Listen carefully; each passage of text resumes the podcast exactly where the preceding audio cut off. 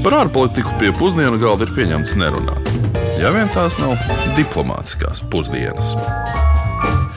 Labdien! Ir otrdienas pusdienlaiks un klāts kārtējs raidījums diplomātiskās pusdienas. To kā vienmēr veidojam mēs, Uģis Lībijams un Dr. Kārns Bukovskis. Sveicināts, Kārn! Sveiks, Uģi! Pagājušais nedēļas eh, satraukums par ASV vēlēšanu rezultātiem un nedēļas nogales atrisinājumu šķiet ir Saprotams, ka ir aizvainojis eh, vienas citas eh, valsts prezidenta vēlēšanas, kas pirmā kārta bija 1. novembrī, otrā kārta 15. novembrī un tepat netālu kaimiņos Moldovas republikā. Nu, tas eh, no mūsu, kā Latvijas un Eiropas Savienības ģeopolitiskā skatījuma raugoties, ir visnotaļ nozīmīgs.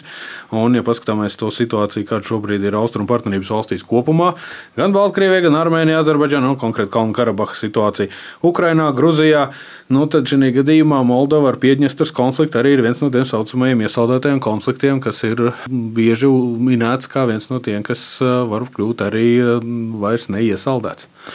Par Piedņestras situāciju un šo separātismu mēs vēl parunāsim šodien, bet ko par Moldovu zina mūsu klausītāji? To ielu intervijās devās uzzināt mūsu kolēģis Ulris Česberis. Kas ir pirmā lieta, kas jums iešaujas prātā dzirdot Moldovu? Nu, es domāju tieši par uh, teorētisko zemi, jā, par valsti. Moldova, nu, ka viņam nevienmēr ir viss mierīgi. Diemžēl es esmu tajā vecumā, ka man asociējas ar padomu laikiem. Es tur esmu bijusi. Man uh, garšo viņu vīnogas, un arī Moldovas vīns nav slikts. Pridņestrovija vai kaut kas tur līdzīgs. Vīnogas. Moldova, Moldova, Moldavija. Daudz vīnogas, vairāk ko es nezinu. Moldāvija bija vīnogas, kādreiz padomu laikā bija tur. Moldova, nu Moldova ir tāpat. Nu. Vīns. Moldova viszemākais dzīves līmenis Eiropā, krievu valoda, cenšanās integrēties Eiropas Savienībā. Moldovas republika tās modernajā formā tika faktiski izveidota sabrūkot Padomu Savienībai 91. gadā, un tad, pat, kad arī Latvija atjaunoja neatkarību. Un, valsti apdzīvo 3,3 miljoni iedzīvotāju, un absolūtais vairākums no tiem ir Moldāvi. Un, uh, tiek uzskatīts, ka pārliecinošs vairākums Moldovas iedzīvotāji ir multilingvāli, jeb daudzvalodīgi. Oficiālā valoda ir rumāņu, nevis Moldāva. Un vēl ir arī gagauzu valoda. Tā ir viena no visvairāk apdraudētajām valodām, un, jā, protams, arī krievu valoda. Piedņestrā, starp citu, Moldovas valodu mēģina izveidot, sajaucot rumāņu valodu un vienkārši rakstībā izmantojot kirilicu.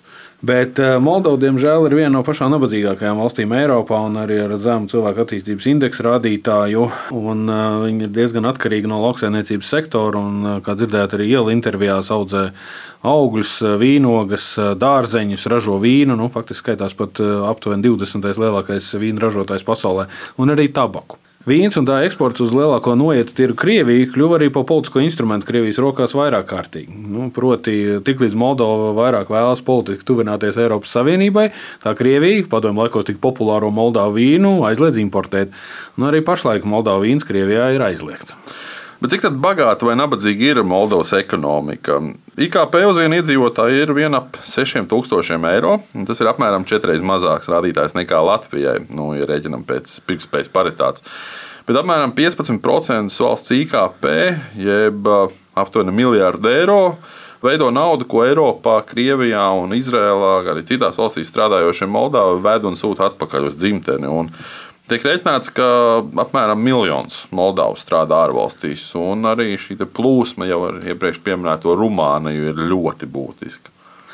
Nu, Moldovai, līdzīgi kā Latvijai, nav paveicies ar būtiskiem dabas resursiem. Nu, ja vienīgais mēs neskaitām, protams, to, ka auglīgas zeme, meži un dzeramais ūdens, kas krīt no debesīm, lietas formā, ir tomēr arī uzskatām par resursiem.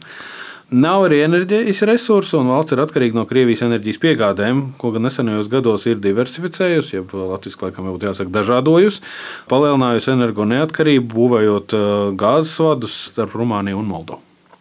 Jā, Rumānijas un Moldovas attiecības uh, noteikti prasa īpašu sadaļu, bet uh, viena no pazīmēm ir ne tikai šī etniskā un valoda līdzība, bet arī tā dēvētais panrumānisms, jeb pārvalstiska pieeja rumāņu kultūras telpai. Nu jā, šis pilsonības un valstu apvienošanas jautājums ir bijis viens no zīmīgākajiem paralēli Moldovas integrācijas centieniem Eiropas Savienībā un arī faktiski kontekstā ar šiem centieniem. Respektīvi, Kopš Moldovas izveidas 90. gada sākumā ir bijuši politiskie plāni attiecībā uz Moldovas apvienošanu, pievienošanu Rumānijai. Nu, Moldovas politiķu vidū pozīcijas ir dalījušās, jo tiek reiķināts, ka apmēram tikai 60% Moldāvi ir pret valsts apvienošanu, kas rezultātā izraisa tādu nu, polarizāciju. Vēl vairāk jāpiemina, ka simtiem tūkstošu Moldāvu šobrīd jau ir Rumānijas, kas nozīmē arī visas Eiropas Savienības pilsoņi. Pilsonību ir ieguvuši, pat ja tas rada tiesisku būtisks ierobežojums pašu valstī, iespējas strādāt un ceļot uz Eiropas Savienību, acīm redzot, tomēr tiek novērtēts daudz augstāk. Jo Moldāvu politiķi ik pa brīdim pieņem papildus ierobežojumus attiecībā uz dubultās pilsonības turētājiem. Un nevienam vien Eiropas politiķiem visai patīk šī situācija. Bet par politiķu pozicionēšanos šajā jautājumā liecina arī tas, ka uz otro kārtu, uz pārvēlēšanu kandidējošais šī brīža prezidents Igors Dodons ir stingri pret apvienošanos ar Rumāniju, bet viņa sāncens bijusī premjerministra Māja Sandu, kuras, starp citu, uzvarēja pirmajā balsošanas kārtā, ir par apvienošanos ar Rumāniju. Un Dodons ir prokrievisks konservatīvais, kurš aicina uz plašāku krievu valodas lietošanu, arī strateģisku partnerību ar Krievijas federāciju, bet Māja Sandu nu, šajā ģeopolitiskajā spēlē ieņem pretēju Eiropas Savienībai labvēlīgu pozīciju. Bet detalizētāk par Moldovas vēlēšanu vēsturisko nozīgumu un šo pozīciju dalīšanos mēs vaicājām arī Moldovas izcelsmes Maastrichts Universitātes doktorantē Lūcijai Leontjevai izskaidrot, un šis bija viņas stāstījums. The real fight in Moldova is not only for the presidential chair. Īstā cīņa Moldovā nav tikai par prezidenta krēslu, bet drīzāk par izvēli starp Krieviju un Austrumiem un Eiropas Savienību un Rietumiem. Pirmās kārtas rezultāti varētu liecināt par iespējamo vēsturisko Moldovas pavērsienu pēc šīm vēlēšanām, Taču tikai tad, ja četru gadu pilnvaru termiņu izdosies nodrošināt kandidātam ar stingru eiropeisku kursu.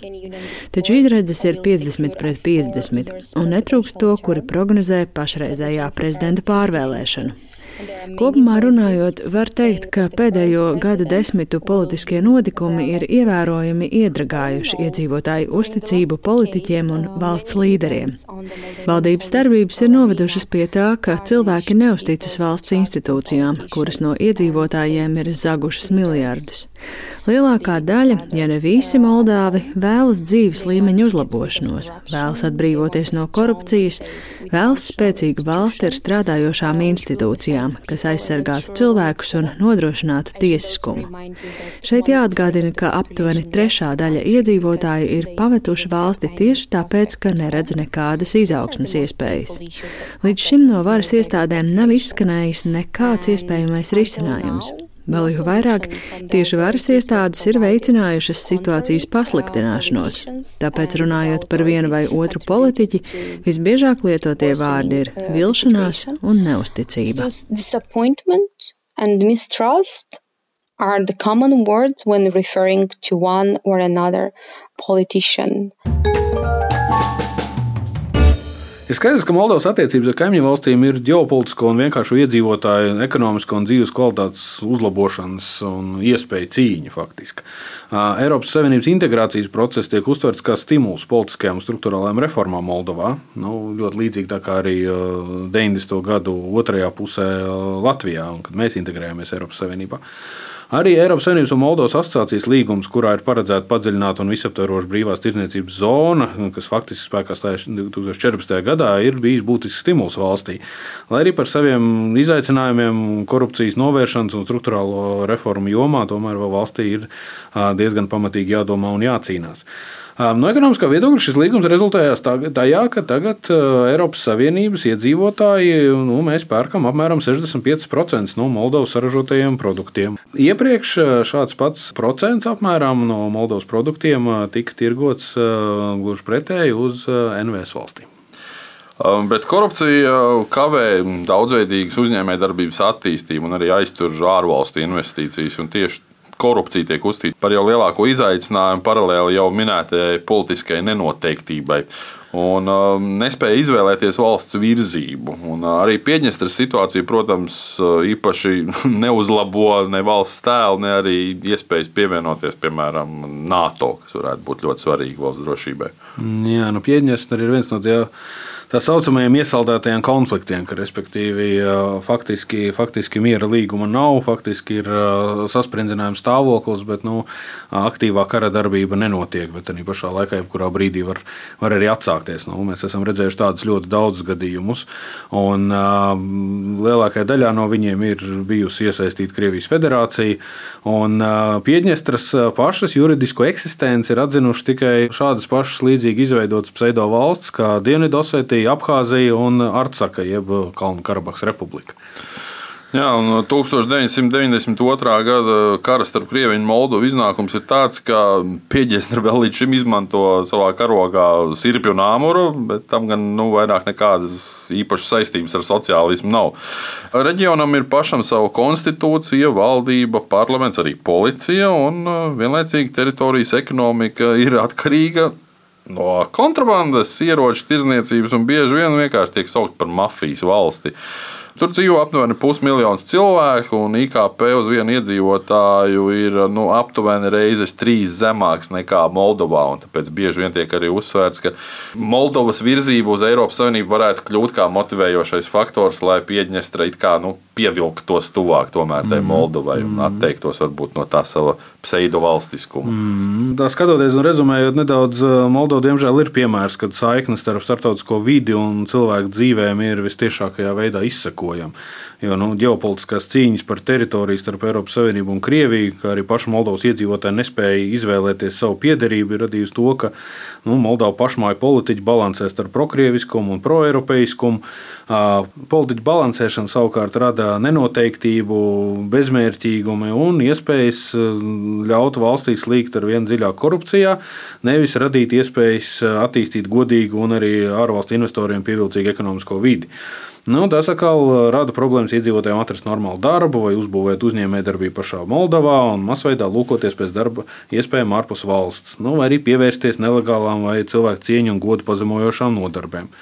Nu, Tostarp kļūt par uh, vienu no zināmākajām cilvēku tirdzniecības upuru un seksuālo pakalpojumu sniedzēju uh, avotu. Jā, skumji, bet nu, varbūt tāds ilustratīvs fakts Moldovas gadījumā ir tas, ka tās ietekmīgākais oligarks Vladimirs Plahotņuks, kurš savulaik esot vadījis lielāko zādzību valsts vēsturē, nu, nieka miljards eiro, jeb aptuveni astotā daļa no valsts IKP, pazuda.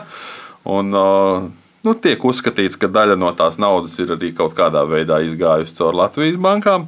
Viņš savu biznesu un savu karjeru esot sācis ar prostitūcijas biznesu Turcijā, vadot uh, šādu prostitūcijas tīklu. Uh, šobrīd viņš ir izsludināts starptautiskā meklēšanā, un Moldovas vadība nu, ir solījusi tiešām viņu darīt visu iespējamo, lai viņš tiktu dzimtenē tiesāts. Lai cik būtu paēdis, vienmēr ir vieta arī desertam.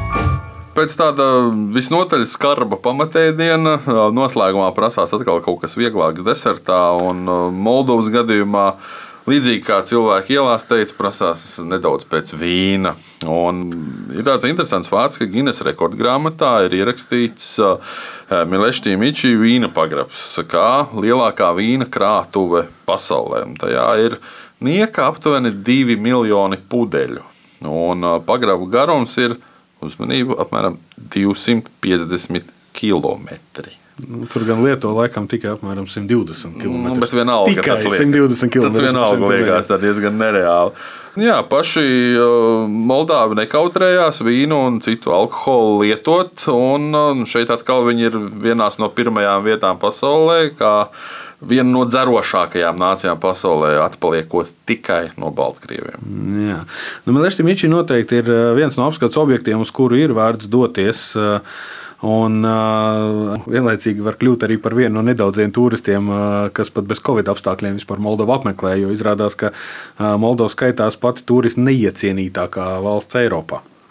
Jā, un viena no neiecienītākajām pasaulē, nu, ja nemaldos, pirmajā pieciniekā pat ir.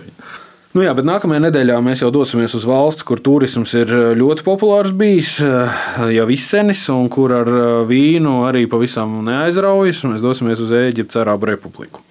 Bet, nu, tikmēr, lai izdodas. Jā, bet kamēr mēs sekojam līdzi 15. novembrī gaidāmajai Moldovas prezidenta vēlēšanu otrajai kārtai, paturam prātā arī pieslēgties diplomātiskajām pusdienām arī nākamajā otrdienā. Un atgādināšu arī, ka šīs dienas raidījumu varat klausīties gan internetā, Latvijas Rādio 1 mājaslapā, gan arī savos iecienītajos podkastos.